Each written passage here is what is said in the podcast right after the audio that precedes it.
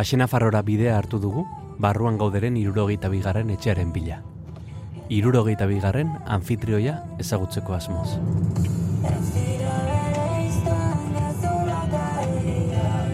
Siberuarekin muga egiten du oztak, eta ara iristeko bi ordutik gora egin behar izan ditut autoan.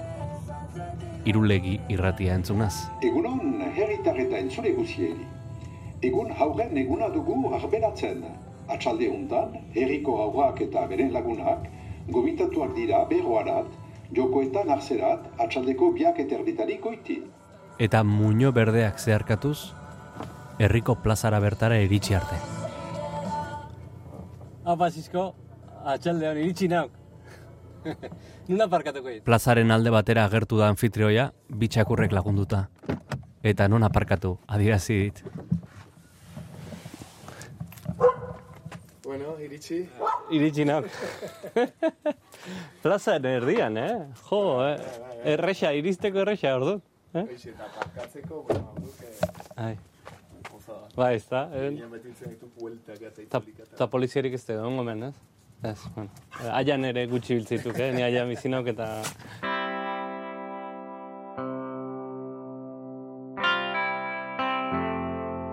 Gaurko anfitrioia, Iruñeko urmenetatar leinukoa da. E, gu familia ugarikoak eta eta ni bosgarrena. Talako batean seigarrena, anaia zena, oso hurbil etorri eta eta amak ja ezin zian gehiago. Amak errana behin baino gehiagotan jakin izan banu aurrak nola ekartzen ziren eta bereziki nola etzen aurrik ekarri behar, ba orduan ni batekin edo beste edo birekin plantatuko ninduan. Marrazkilaria da bere anaia Mikel bezalaxe, eta ezin du saiestu umorea. Napar geiten lehenengo, eta H28 kolektiboan gerora, argitaratu izan ditu bere marrazkiak besteak beste. Historiari begiratu izan dio, galtzaileen historiari. Eta kasu, joker bat dauka eta, poltsikoan.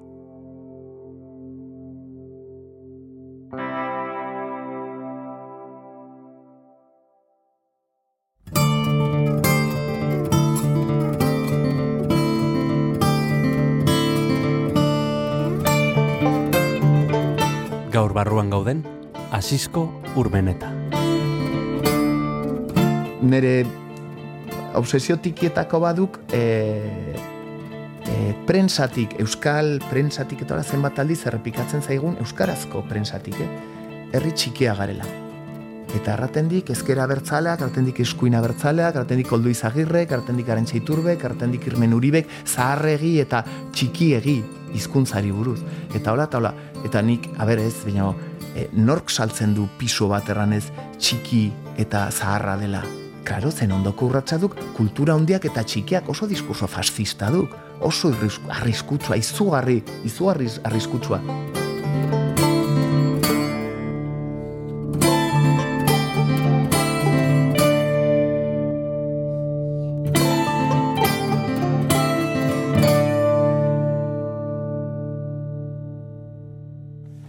Bitu, ze polita. Joder. Hainize, eskilamen. Apa, inize, urte askotako, bai, Apa, urte askotako. bai, Bai, bai, bai. eh, Jo, esaten nion, eh, hori galbide gutxi, ni izan duen, nun bizikoteia. Ze, dializian osta, eta ni beno. Ah, Bai, gau, gutako evidente. Etxera sartu gara. Antzinako eskaratzea eta egongela bat dira. Egurra eta harria. Eta oso giro goxoa dago. Hemen, egon, Ah, hemen pixkate bere izago gau delako. Vale, primera. Elkarrizketa baina gibilean dagoen bulegoan egingo dugu. Asiskok bertan egiten du lana. Bi leio ditu eta liburutegi haundi bat. Bueno, lekoa polita duk, eh? Bai, bai, bai, argitsua. Mira, gero, kanpoa erakutsi, eh? Bai. Kanpo aldera atera daiteke bulegotik eta bertan dago baratza. Izak, ze polita. Ba, ez garria, hor baratze, pixkate, espontane hori, eta bero parte gurea, Bai, eta jazta eta bidaiateko, edo bai. zoragarri ez. Ze ondo. Lekua. Jo. Eta baratzai probetxatatzi duzue? Bueno, denbora ateratzen dugulari bai. Bai, Baina, baina, eh, batzutan ez, ez da? Batzutan, gehienetan- Gureare, gureare horrela dago. Oso animoso azten dituk urtero. Bak dena, nik Bai, bai. eta ere egin Eta gero bestea, pixkan eta- daka. Bai, bai. Baina- gaina hartzen, ea bestea. Dek urtearen metafora. To- total. Hasieran ba, ingo dixiago gauzak ordenatuta. Egun ere egun ezak ezer, eta gero hasten duke hemen belarra, hemen bestea, hemen hola, eta gero, bai, fijo, fijo.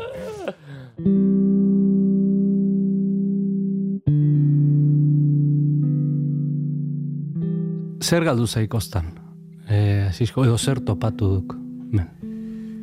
A, topatu mm, nik azteko sarrailik gabeko mundu bat. Sanetako sarrailaren morrontza oso latza duk. Ni iruñan bizi nintzelarik autoa, autoa, lehen aipatu duguna, autoa utzi arte, zenbat itzuli, gero noizbait utzi. Dena gakotu behar, egiltzatu. Atarira joan, atarire edeki, e, apartamentura igo, apartentuko gakoa ere bai, zenbat giltz, eta hemen berriz nik autoa botatzen diator plazan, hartu naukik utzukala horre itxi, egin dukala, ba, reflejo horrekin. Gu beti uzten diagu edekia, eta giltza gainean, ataria beti irekia duk, eta batzutan, nola, joten gaituk igual oporretara, aste bat pasatzen norabait, eta, eta etxa beti edekia duk. Hoi, netako duk, eh, hastia, hori hori aurkitu diat, lasaitasun hori. morrontza, sarrelaen morrontzari gabeko zera bat. Bel, beldur gutxiago. Bai, bai, bai, bel, beldurrik ez. Osa, irian ere beldurrik ez, baina han, ba, sekulan ez autoa edeki utzi edo, edo ataria giltzatu gabe, eta hemen beti bai. Ezer faltan botatzen duk iritik?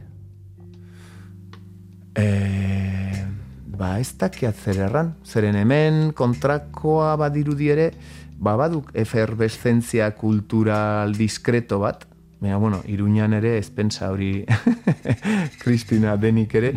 Horran, baduk, pixka zerbitzu, gero eta zerbitzu gutiago, hori bai, eta hori duela hogei bat urte hemen bizi garela, eta, eta ikusi diagu, e, taberna isten, herriko taberna isten, e, gasolindegiak isten, gero eta urrunagora, joan behar izaten gaituk erostera, edo zera, e, eta orduan alde hortatik zerbitzu e, galtze hori, eh, hemorragia hori, hori bai dela itxusia. Eta berriz hiri batean, han ikuste alderantziz, gero zerbitzua gero eta gehiago metatzen direla alakoetan. Eta baina entzun beharra, egun hauetan egoaizak jo baitu, e, alakoetan, mm, bueno, aizeak aitzinetik eramaten ditik e, potoak eta ariak eta denak, eta orain egunak egoten gaituk inkomunikatuak bere alde zoragarri horrekin, baina gero teknikari batekin mintzatu eta ba, eske zuen eskualda ez baita interesgarria. Ba, Ez dela interesgarria. Zo interesgarria da. Ba, bino, kau, zenbat bizi zarete. Ba, lehenago eginen dugu hau eta hau eta hau, biarritze eta akize eta bestea, eta ozta beti azken posta, ala izaten duk. Non da zailagoa euskaraz bizitzen? E, Iruñean ala hostan? Nik beti erran izan diat, Iruñan mundu guzea euskalduna dela. Hori bai. Izugarri zaila izaten duk, Iruña atxematea Pamplonaren azpian. Pamplona horrek dena tapatzen baitu. Iruña guztia euskalduna duk? Iruña bai, baina Iruña aurkitzea Pamplona barnean hori duk, edo Pamplona azpian hori errateko. E, ni beti kontrakulturaren aldekoa izan nauk, izatez, eta azken batean Euskalduna izatea Iruñan, bauti underground izatea baitzen eta baita, eta Euskal Herrian ere bai. Ea, gutxengo nazionala gaituk gure herrian berean. Orduan, bietan zaila. Ostan, e, urte hauetan guztietan ikusi diagu eta sentitu diagu eta bizitu diagu e, ordezpen e, demografikoa. Gari batean, etxe bat, e, bi etxetan erdaldunak zirela, eta denbora pasatu arau, xarrak joan ditu giltzen, e, kanpoti jendea etortzen, Frantzia guztitik, Frantzia guztolatik eta jendea familiak etortzen, eta eta orai duk eguna nun, nun gutiengoa garen euskaldunak. Horran, bezala iruñetik etorrenak, orduan, en, enetako ez duk egoera berria inundik ere, baina euskalduna izatea nun nahi, nun nahi, eh? Euskal Herri guztian, oraiko egunean, mm, latza. Bai, batzutan gaina pasatzen dituk asteak, eta asteak, eh? autoa mugitu gabe. E, autoa mugitu gabe, arnediat, hemen transporte publikorik ere ez duk, garraio publiko oso eskasa duk, eta e, bo, hemen dikoztatik ez du pasatzen. Baina, e, ez gaituk aspertzen, batetik etxeko lanak obretan ari ginelarik, obretan. Gero aurrak etorri, hortan ere entretenituak. Gehi norberaren lana ere, nonbaitetik ba, baite hau mania batzuk, egunean hiru aldiz jaten dugula eta hola, ordan nonbaitetik xosak ekarri beharrak, eta orduan e, gero auzoekin, auzoekin solasak. Eta bai, baduk hemen jendea zoragarria. Herri txikietako bizitza besteak beste hori da. Hitz egitea, jendea ezagutzea, elkar laguntzea, komunitatea. Hemengoekin, hemengo batzuekin eri suertatzen zaidak, bapatean hitz aspertuan hasi, Mhm. eta segi, eta prosegi, eta momentu hortan egiazki galtzen dudalanik e, denboraren kontzientzia bera ere, eta gero isilune hoiek, e, iritar baten dako behar bada inkomodo xamarra direnak, e, buruz buru aizelarik norbaitekin, eta algotean isilune luze bat, bat ere bortxatu gabea, eta besteak erreten duela, bato, alau ba. Eta besteakola, eta oino pasatzen du denbora bat, berriz ere, jo, hor, e, onenak beti bezala joan dituk, e, xarrenak eta joan baitire partitzen, baina, bai, Mari, Mari ondokoa, gure e, kurutxetako etxek handere zena, zoragarria, emakume langilea, bizi guztian dendari, berak erraten zuen bezala, jostun, Mhm. ibiltzen zuan josteko bere masinarekin bizkar gainean, eta herri zerri, gauza josten, doni bana garazira oinez, eta itzuli, eta berak zuen mundua eta unibersoa espiritu biziki gaztea, zen hemen hasi ginelarik obretan, alako batean, bueno, pues hau izaten zuen putetxe bat. Kristo jende pila, musika, txalapartaria, pijaman, plazan, eta hola. Eta eh, berari gustatu mundu hori, eta beti gurekin zuan, eta eh, protagonismo berezirikin posatu gabe, baina ba, Mari, nik uste baten bat aipatzekotan, nik, eh, Mari, zoragarria. Gero berak denborarekin, bueno, ba, bere intimidadea gero eta gehiago, gero eta lagunago, eta, eta bere bizitza ere latza kontatu, eta eh, Mari, zoragarria.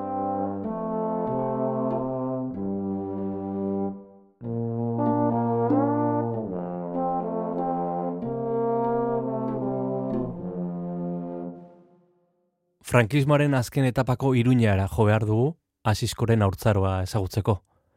Bertan, bi emakume ziren, ama eta amatxi. gure etxeko guk ezautu ditugun amatxi bera ama eta hola, egiazki eh, andrak ez, eh, nola bizi izan diren, egiazki gauza da hain bide gabekeri latza nun ostia. Bueno, pues hoxe, ordan gure amak, ja, bapatean zeigarrena bomboan, tripabarnean, eta ni sortu berri, orduan amatxiren etxean, haren amaren etxean, ba, utzi nindian Mhm. txikitan. Eta ni amatxirekin hazi. Eta horrengatik nik xarren mundua ikaragarri, behar da, Mari horrengatik aipatu dira, behar da hortan gelditu duk zerbait.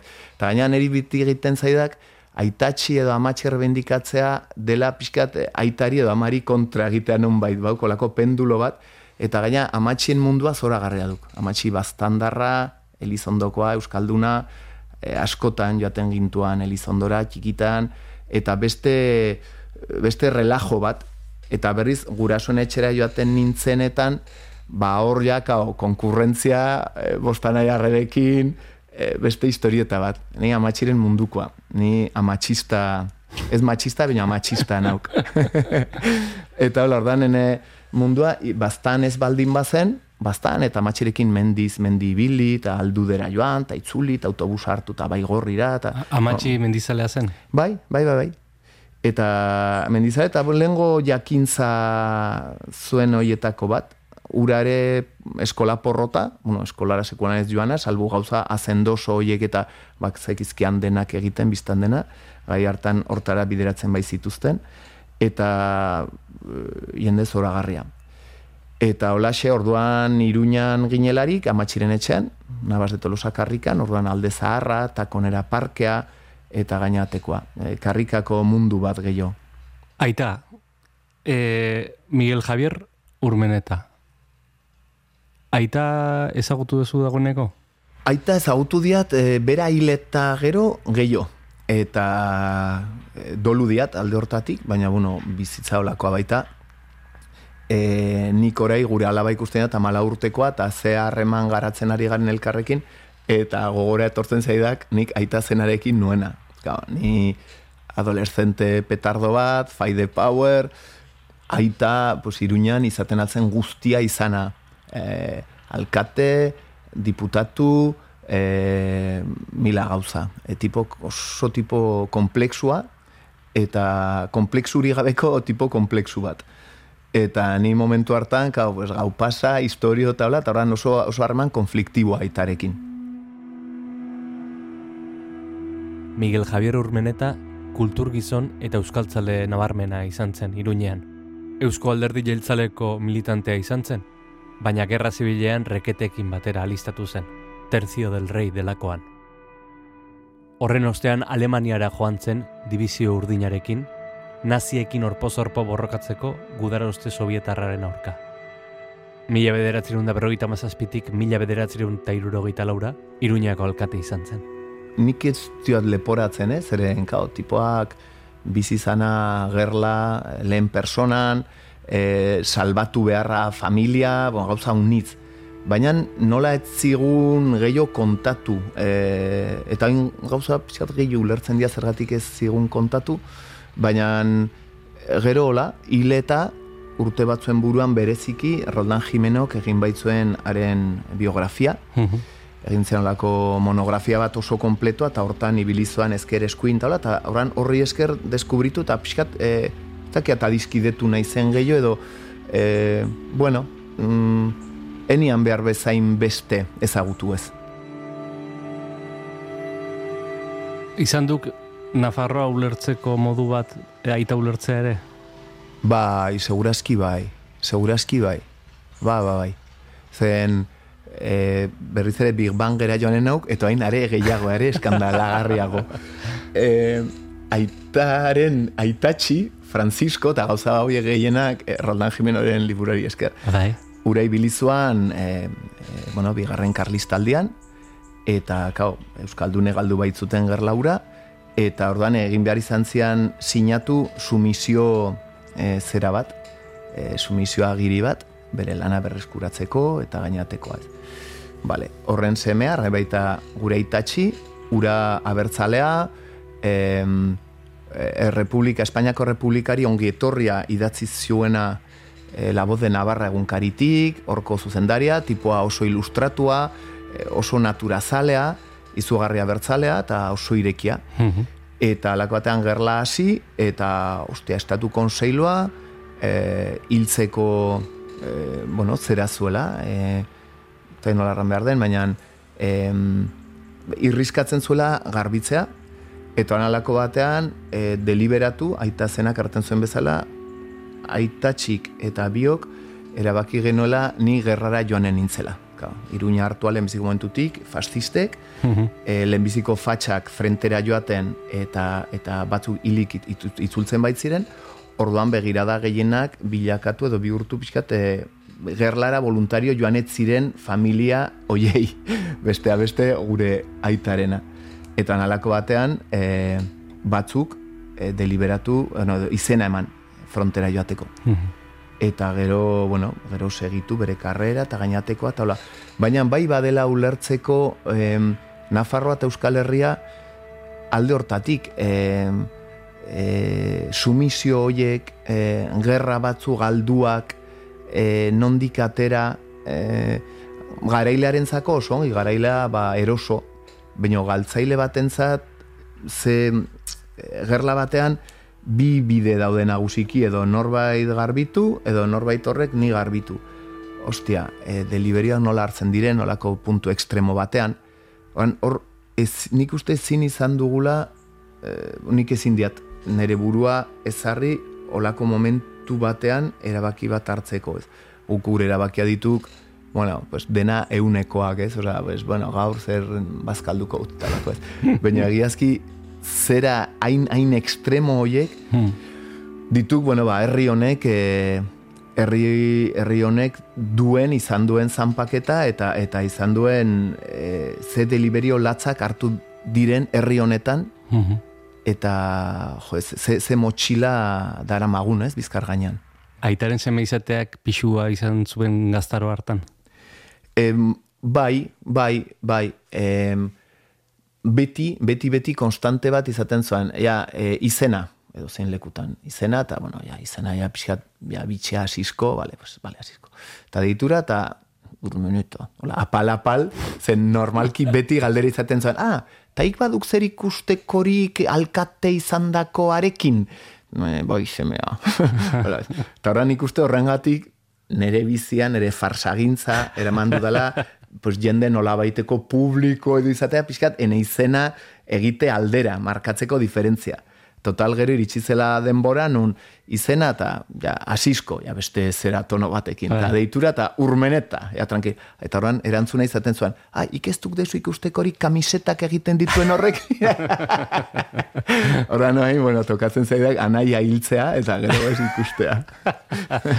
Zemos anaiarekin, e, jarraitzen alduk e, e, berarekin harremanean. Ba, bai, bai, bai, bai. Egiazki azken untan ETB-ri esker. Zeren ETB-ek eh, antola zituen programa txatxu hoietan, ba, batzutan izaten duk eh, eh, norbait, norbaitekin elkartzea, eta horan alakoetan ikusten diat, anaia. Bestela, ez oso gutxitan ikusten diat, pena diat, nik usten, bueno, egiten dugula biokindarra, baina ni iruñereaten izalarik, bera igual zagok mm. Tasmanian, eta eta bera sekulan ez duk etortzen ona. Tasmaniara joanen duk, baina ozta hiri berrira ez. Bio marrazkilari.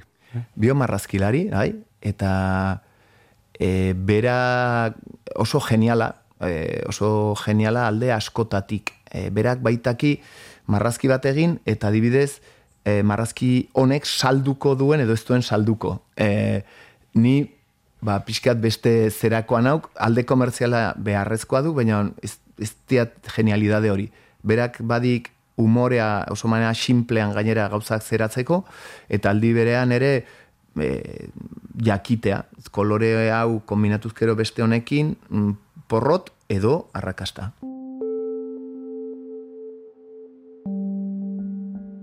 Galdetuko banizu noiz piztu zitzaizun e, boligrafo hartu eta papel zuri baten gainean e, marrazkiak egiteko gogoa?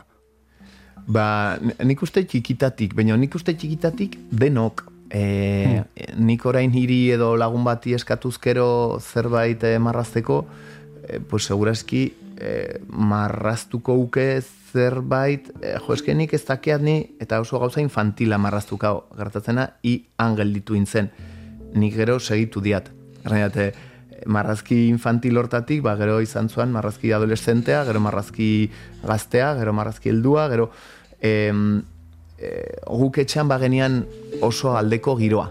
Gure aita zenak marrazen zian izugarri ongi, eta oso karikatura onak egiten zitean. Eta orduan, ematen gintian aurrak, antxen marrazten, pues, igandero mendira, eta gero menditik sartu, eta bueno, ze ikusi dugu, aber, bakotxak egin dezala, eta orduan ola, olako txapelketa, lehiaketa moduko batzuk, eta orduan giroa oso aldekoa. Eta orain ez du kasualitatea Mikel Anaia ere marrazkilari atera izana, eta Anaia arreba guztiok, ba izatea pixkat, e, nonbait e, zerbait e, artearekin lotua, ez artea, edo arte grafikoa, edo edo adierazpena, edo hola.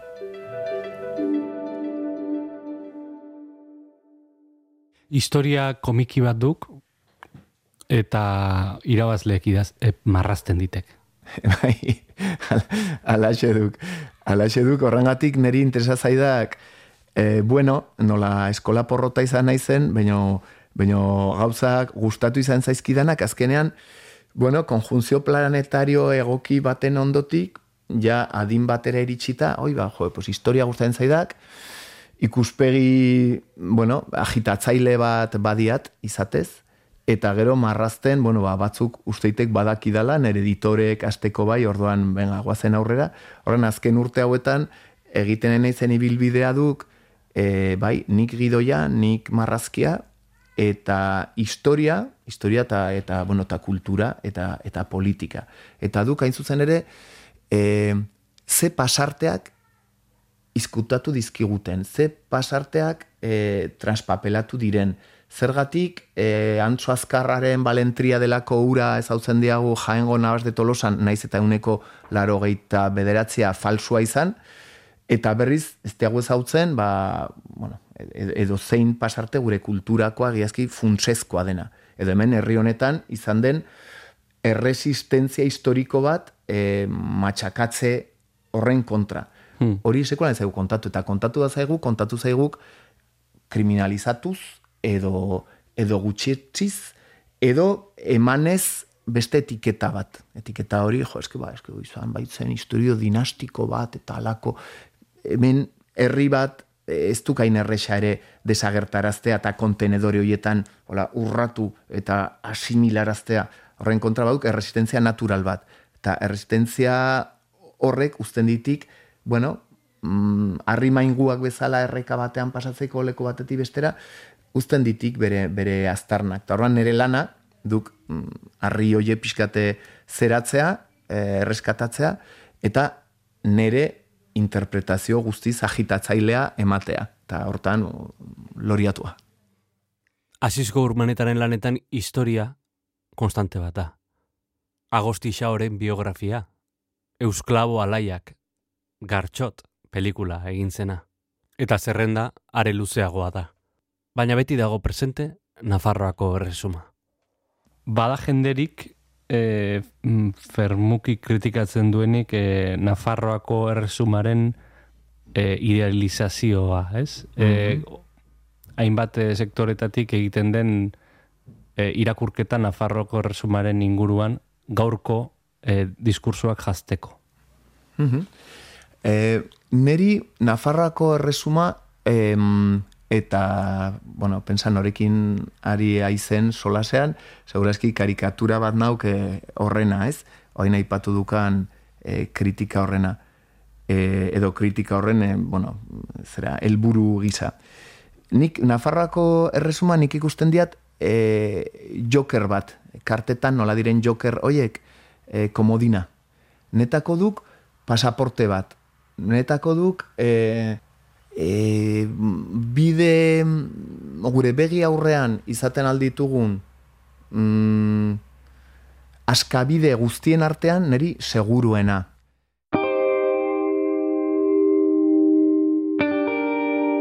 Nafarroako erresumarena netako duk ikusiz munduan libratu diren herri batzuk, eta ez bakarrik Madagaskar edo kolonietakoak, ez ez, Lituaniak bere momentuz, ateradik bai duela mende bat, eta doa, duela hogeita mar urtere, hoiek direla estatua, Lituaniako estatuaren jarraikitasuna.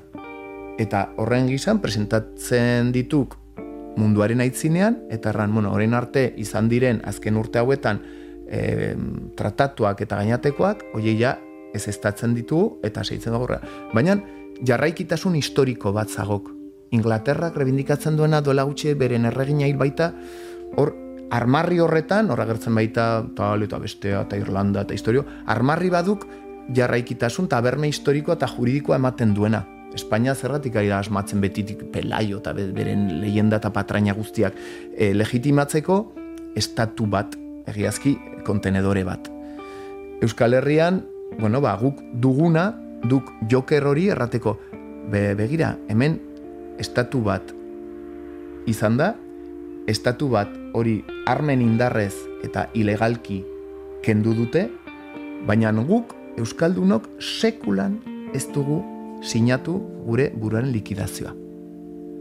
Eta e, delitu horrek ez du preskribatzen, hori garai bateko erregerreginek erraten zutena, Gipuzko Arabata Bizkaia kentzea armen indarrez, e, hori itzuli behar da berritzeren Nafarroen parte izatera, eta ez beza preskripziorik balio.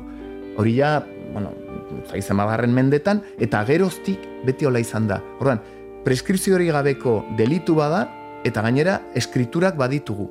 Uku egin behar dugu horri, eta errateko, bai, Euskal Herria da nahi duguna, eta gaur lehenbiziko urratsa emanen dugu, eta galtzen badugu galdu, ez ez, ni irabatz, irabatzi nahi dut, horrengatik nik joker hori dut hemen sakelean.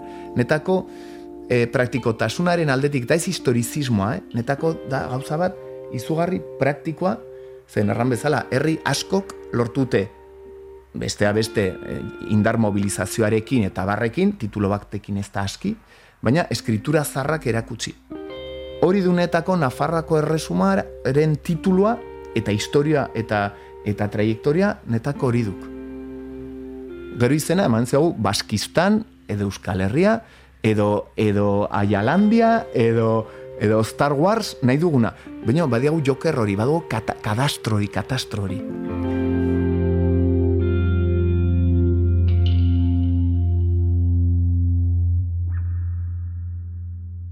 Elkarrizketa egiten ari garen bulego honetan, zaila da topatzea pareta bat marrazkiri gabe.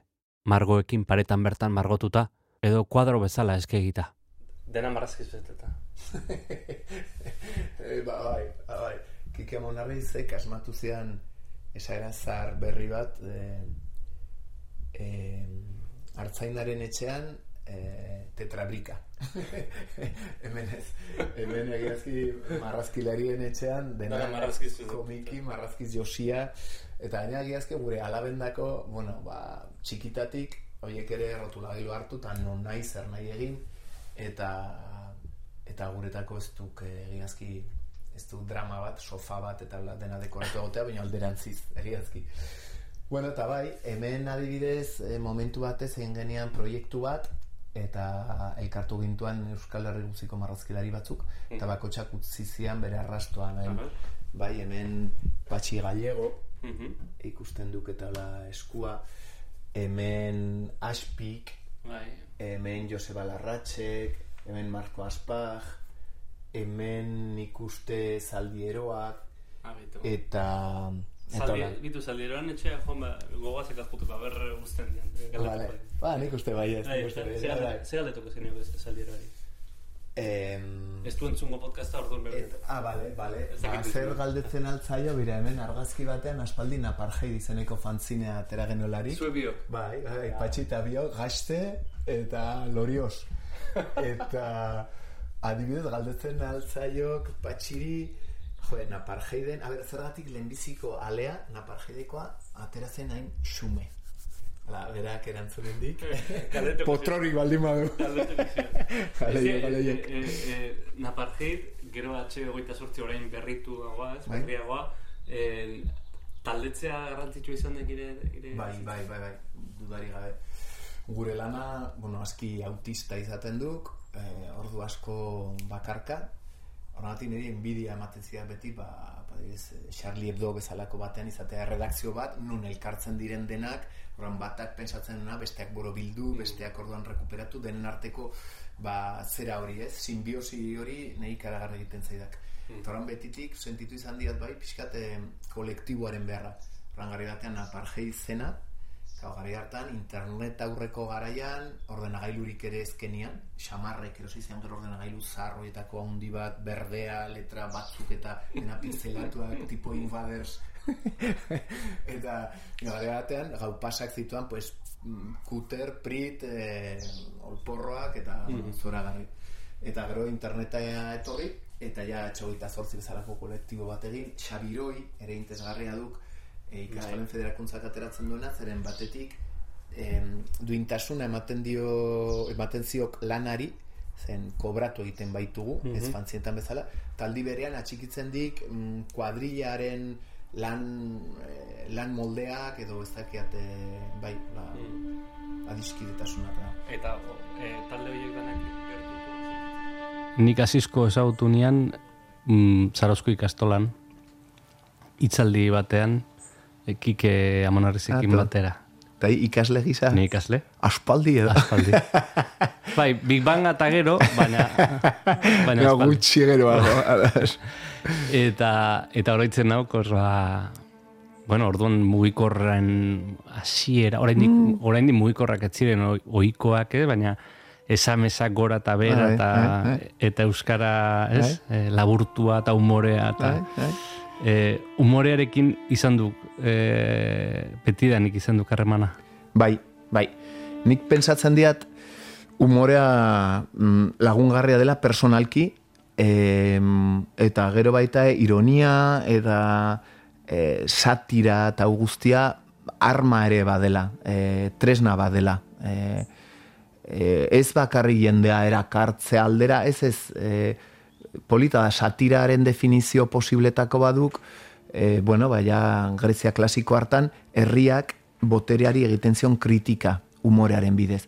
Eta hori interesa zaidak. Egiazki, zaidak interesata bat ere e, txiste, umore larrikoa, ez dakia ze kolektiboren, ez, ez, ni, ni interesa zaidak, e, bibi, bibi sekzionatzea tirania bat, eta tirania hori marrazki simpleen bidez eta umorearen bidez pixat biluztaraztea. Hori nonbait hitzaundietan e, nik uste hortan laburtuko nikek nire, nire eguneroko enpeñoa ez.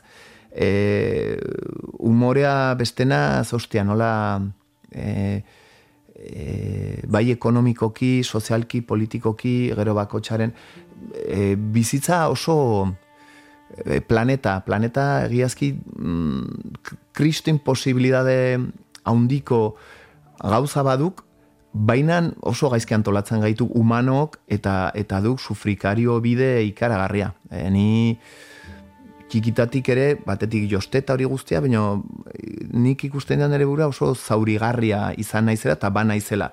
Horren, adinarekin ikuste egin dugula kanpotik olako kusku bat jantzi hmm. behar izan duguna, eta al izan ezkero barneko mm, gorringo hori ba sobera mm, mikaztu gabe.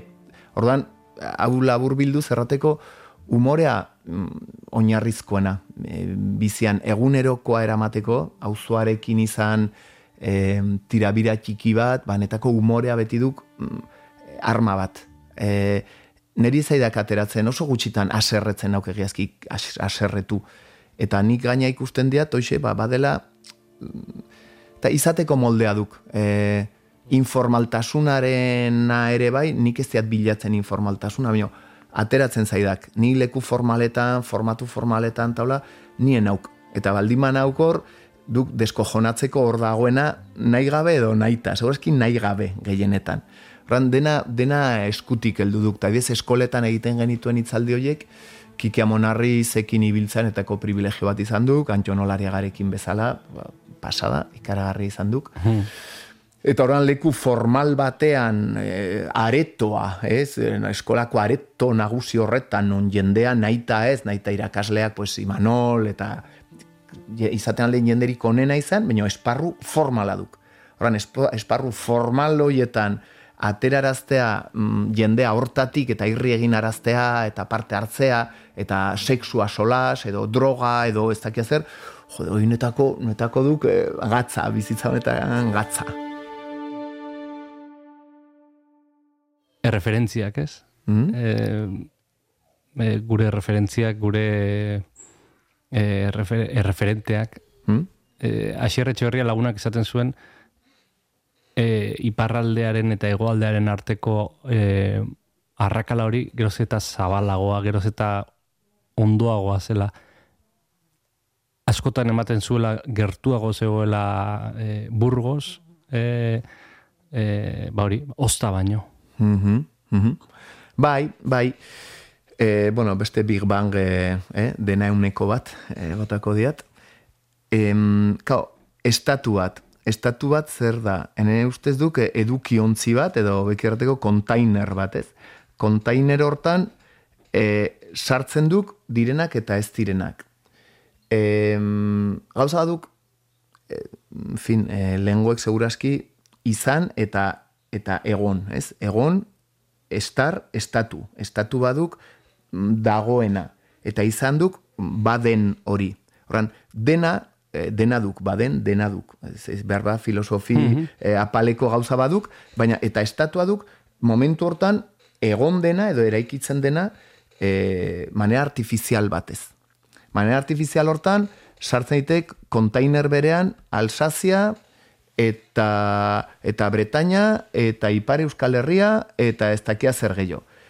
Kao, eman neri estatu batek dituen lanabez guztiak, errabaita ezkuntza sistema bat, gehi edabide guztiak, gehi gainatekoa, gehi ez dakia zer, eta oran poliki-poliki naita ez, dena joaten duk kontainer horren erdian dagoen Mm, saguadera, erratan bezala edo peko zulo hortara, Eta horren, denok hemen Ipar Euskal Herriko jendea gehiago egoten duk begira, ja ze pasatzen ze hilketa lazgarria izan den Frantziako, Pariseko banlio hortan, edo, edo Euskadi irratia entzuten diago, talako batean, bai, ba, beste krimen pasional bat, e, Granadako alako herritan, eta berriz, kanbon pasatzen ari denaz, idea putarik erez. Ordan kontenedore hoietan sartu gauzkatela, ja, badik aspaldi, eta gainak gure kontenedoretan gainera baduko haino beste mugarik, zeren e, eroski batean sartuta euskal produktuak e, delako apalategi horretan ikurriña batenpean eta Nafarroakoak hor ondoan dituk Aragonekoekin eta hoiekin naiz eta igual Euskal Herriko ura izeneko bat izan, baina ja ez duk Euskadikoa. Orduan, e, horre guztiak euri azidoa bezala egiten dik bere bidea egunez egun ezidurian, eta horran sartzen zaiguk mintzatzeko moldean, egunerokoan, e, nola erran, ene adiskide bat ondoko herrikoa mm, interesatua nahi zuela apartamentu bat erosi elizondon, Mhm. eta erosirik. Erosteko, atera behar izan dik, e, ka, e, karne de identificación del extranjero. Osa, tipua ikusten duk Moskuko metroan, eta egiten diok euskara, zeren ez duk beste zerbait izaten al. Euskalduna errotik. Baina, arrotza duk baztanen.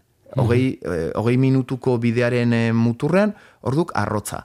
Joan behar izan dik, iruñera, eta Espainiako polizia salau batek egin ziok papera, e, baizik eta mm, Espainian bizitzen aldela, baina bera arrotza dela, frantsesa dela.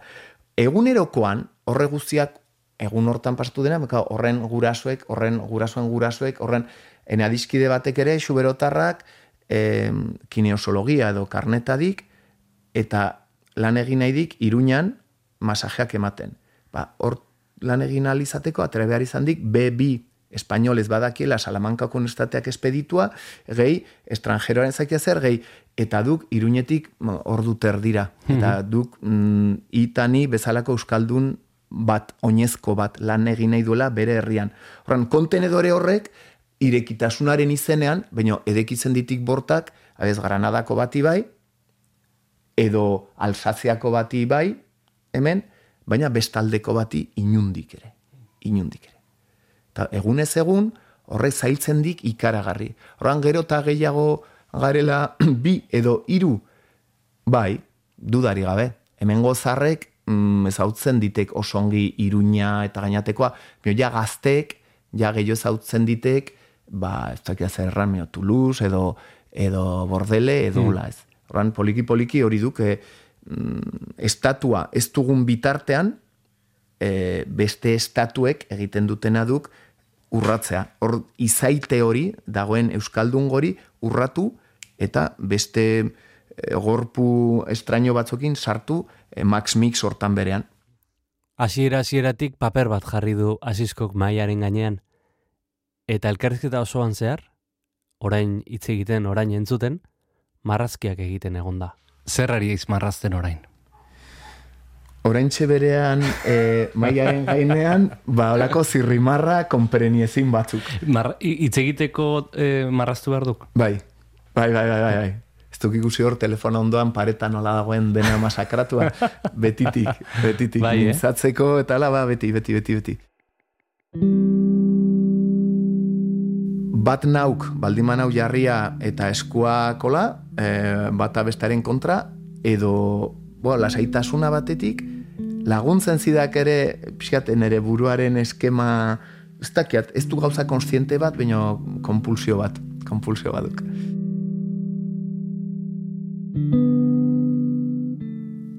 Nafarroak badik eh, erremediorik. nire obsesio tikietako baduk e, e, prensatik, euskal prensatik eta zenbat aldiz errepikatzen zaigun euskarazko prensatik, eh? herri txikia garela. Eta erraten dik ezkera bertzaleak, erraten dik eskuina bertzaleak, erraten dik oldu izagirrek, erraten dik arantxa iturbek, erraten dik irmen uribek, zaharregi eta txikiegi hizkuntzari buruz. Eta hola, eta hola, eta nik, aber ez, baina, e, nork saltzen du piso bat erranez txiki eta zaharra dela. Dugu vintage eta koketoa, edo asmatuko diagu zerbait. Handitasuna nola neurtzen da eh, hizkuntza batean. hain zuzen ere, Klaro, zen ondoko urratza duk, kultura handiak eta txikiak oso diskurso fascista duk. Oso arriskutsua, izugarri, izugarri arriskutsua. Orduan, hoxe, horren inguruan, inork ez dik erraten, eta urkulu erraten dik, erraten dik erramezala Arnaldo Otegi, mundu guziak, eta eta usatu gaituk, eta berriz, irakurri eh, Julia Fernandez Zabaletaren diskursoa don Esteben eman zuena, mila betzen dagoita lauean, eta erraten dik, bai, gure aurrei erakutsi behar diegu, gure herriaren handitasuna. Ze polita, hori ez diago irakurtzen oraiko egunean, Eta norbaitek jatzizkero etorriko de norbait erran, ai, maximalismo eta supremazia, ez ez, e, xaok erraten zian, gu herri bat, e, kuraiez, mm, historiaz eta ez dakia zer, herri handi bat. Hoxe, gure lehenkoek bazekiaten herri handia ginela. Horaik hau, kontenedorietan gaudek sakabanaturik, eta konparatzen badeo gure burua, Espainia edo Frantzia, ez ez ez, herri handia gaituk. Ostia, inork ez dik erraten herri belaunikatoa garela. Ka, ber, jeikitzen garelarik ikusiko dugu gure egiazko tamaina, lazkau txikik erraten zuena, nola txikia, zangoak berdin-berdin izten zaizkidak neri lurrera. Handitasuna, txikitasuna, hori, e, gauza, hain subjetiboa den, eta horrek zer ikusteko handiadik, zera psikologikoarekin. Kau, sinestaraztea, esklaboari, txikia dela, bere dialektoa dela mierda bat, eustako balioztuena, eta bera dela e, iz, kultura txikikoa eta oso norraten zen gari batean, e, kultura gibelatua, atzeratu batekoa taula, egunez egun, belaunaldiz belaunaldi, bueno, pues azkenean, elefantea naiz eta onditu, azkenean, ez di kontzientziarik, ba, apurtzen alduela e, pues, kaiola eta eskapatzen aldela.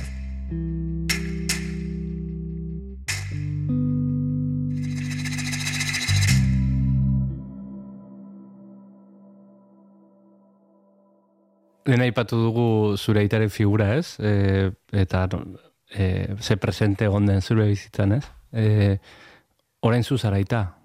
Mhm. E, aurrek ezagutzen zaituzte. E, nik, os, beha, behar ba, nik nahiko nik gehiago ezagutarazi nahi burua, baina nire horrek paso egiten dite, baina... Baina eta nola. Baina aita bilakatzarekin orduan bai egiazki arindu zaidala aitaren kontrako edo amaren kontrako, bueno, era argumentario guztia, zen ostia guk, guti baldin badakiagu, gurasoek ze ostia jakin behartzuten. Osa, pensa, gure amak etzekila nola ez ekarri aurrik eta berriz ere bomboa, eta berriz ere beste bomboa, eta berriz ere beste aur bat, sei gehi abortoak ukan zituenak, eta hola, ostia, zeiak egin behar zuten. Sobera ongi, sobera ongi, eta egin baitzuten berena, ez? Eta gu nola ibiltzen garen, kao, guk oren gaina ekartzen ditegu aurrak nahi ditugunak eta nahi ditugularik. Orduan, ostia, ezkenikek utze egin behar, eta utze egiten diegu egunero eta egunero eta beti eta gero eta gehiago. Ordan alde hortarik, pues pixka bai, aita, bueno, pixka sindikatu, eh, sindikatu egiten diat gure aitarekin, deus etzekiela gizajoak, eta, bueno, etzean hain gaizki egin, eta amarekin berdin. Eta inpus aurrekin erran bezala. Eh, nik uste, keba, eh, zera badela, naita ez, ba, ni hiltzarekin, igual bartuko dira, jo, ba, bazuela bere grazia, ez? ja, momentu zortatik gutxi. Eskerrik asko txokateak saltzatik. Jo, iri mil esker eta entzule sufritoari ere. eta bueno, beste katu bat. Bai. Hau ere litxi. Ai- Aita txintxo portatzea da. Xara. Bai? Taki bat nik, eh? Beti sekulan ez baita serretzen, eh? Kexatzen da batzutan aita ez? Bai, Ah, bai. bai, Eta polita da kexatzen denean? ez. Eta, norre ematen du aitak, ala kexatzen delarik. Eh, Volum, igual. Ozta atzean utziko dugu. Eta datorren asteko etxerantz abiatuko gara dagoeneko. Hauxe izan da, irurogeita bigarren barruan gaude.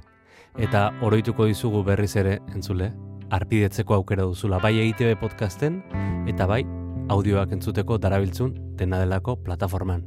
Gainera Twitterren ere topatuko gaituzu abildua barruan gaude kontuan, eta izen berarekin Instagramen ere pagaude. Gainera gogoratu gure lagun eta lankide Jon Martijak Estamos Dentro podcasta egiten duela, podcast honen bikia. Besterik ez, urrengo etxera arte. Zenbat urte ezkazu xera? bost. Bost urte ja? Ah, Hori asko da. Eta badakik ze gustatzen zaio ikaragarri? Zer? Pastagetia. Ara, Bazkaltzeko, afaltzeko, pastagetia. Bai ez. Ah. aukera beti pasta gero. Gurean ere bai, eh? Bai. Zale. Pasta eta espagetia pegatera, pastagetia. Euskarare.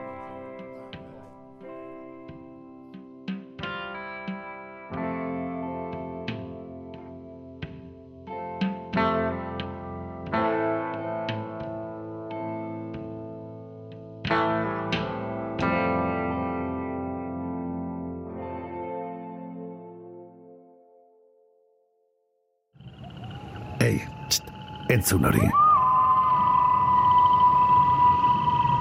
Ulu Media.